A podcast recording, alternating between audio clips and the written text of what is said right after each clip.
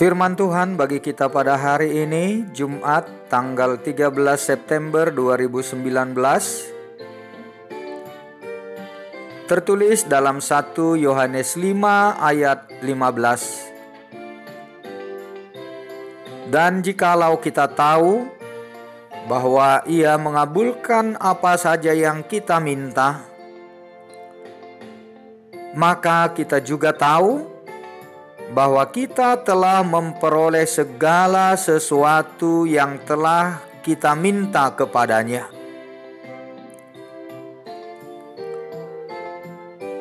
Kuasa doa. Saudara-saudara yang terkasih dalam Tuhan Yesus Kristus,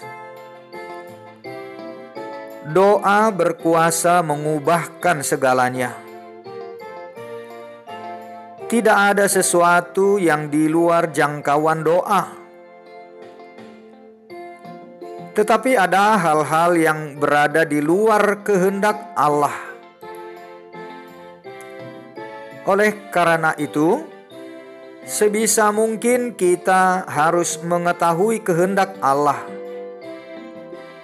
Itulah di saat kita berdoa. Kita meminta menurut kehendaknya. Dia akan mengabulkan apa saja permohonan kita bila benar berdoa. Maka berdoalah menurut kehendak Allah.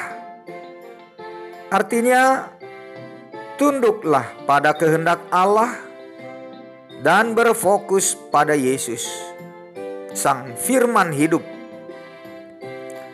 maka Roh Kudus sendiri berdoa di dalam kita dan melalui kita. Dia memberdayakan, memotivasi, dan memimpin doa kita. Saudara, satu hal penting yang harus kita mengerti bahwa doa yang sampai ke surga adalah doa yang berawal dari surga. Hanya Roh Kudus yang tahu keinginan hati Bapa. Maka biarlah Roh Kudus menempatkan keinginan di dalam hati kita dan kita berdoa kepada Bapa di surga Bagian kita hanyalah untuk menyelesaikan rangkaian setelahnya. Demikian juga roh membantu kita dalam kelemahan kita.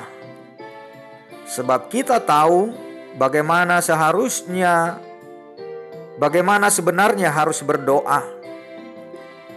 Tetapi roh sendiri berdoa untuk kita kepada Allah dengan keluhan-keluhan yang tidak terucapkan.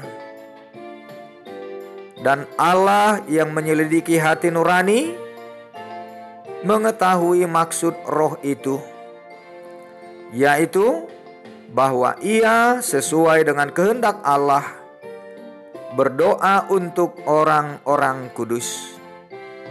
Roma 8 ayat 26 dan 27. Seberapa seringkah kita berdoa? Apakah doa-doa kita terpusat pada Tuhan atau memaksakan sesuatu yang kita inginkan? Betapa indahnya bila Tuhanlah yang membimbing dan mengarahkan doa-doa kita. Mari kita akan berdoa menurut kehendak Allah.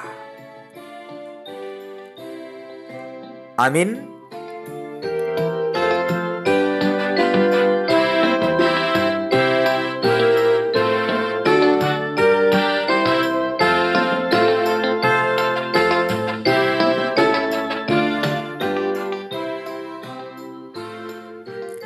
Mari kita berdoa.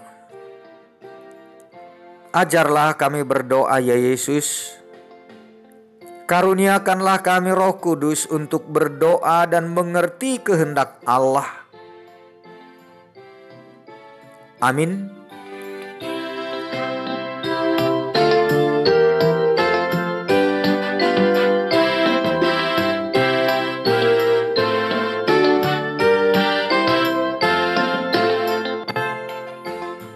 Tuhan Yesus memberkati.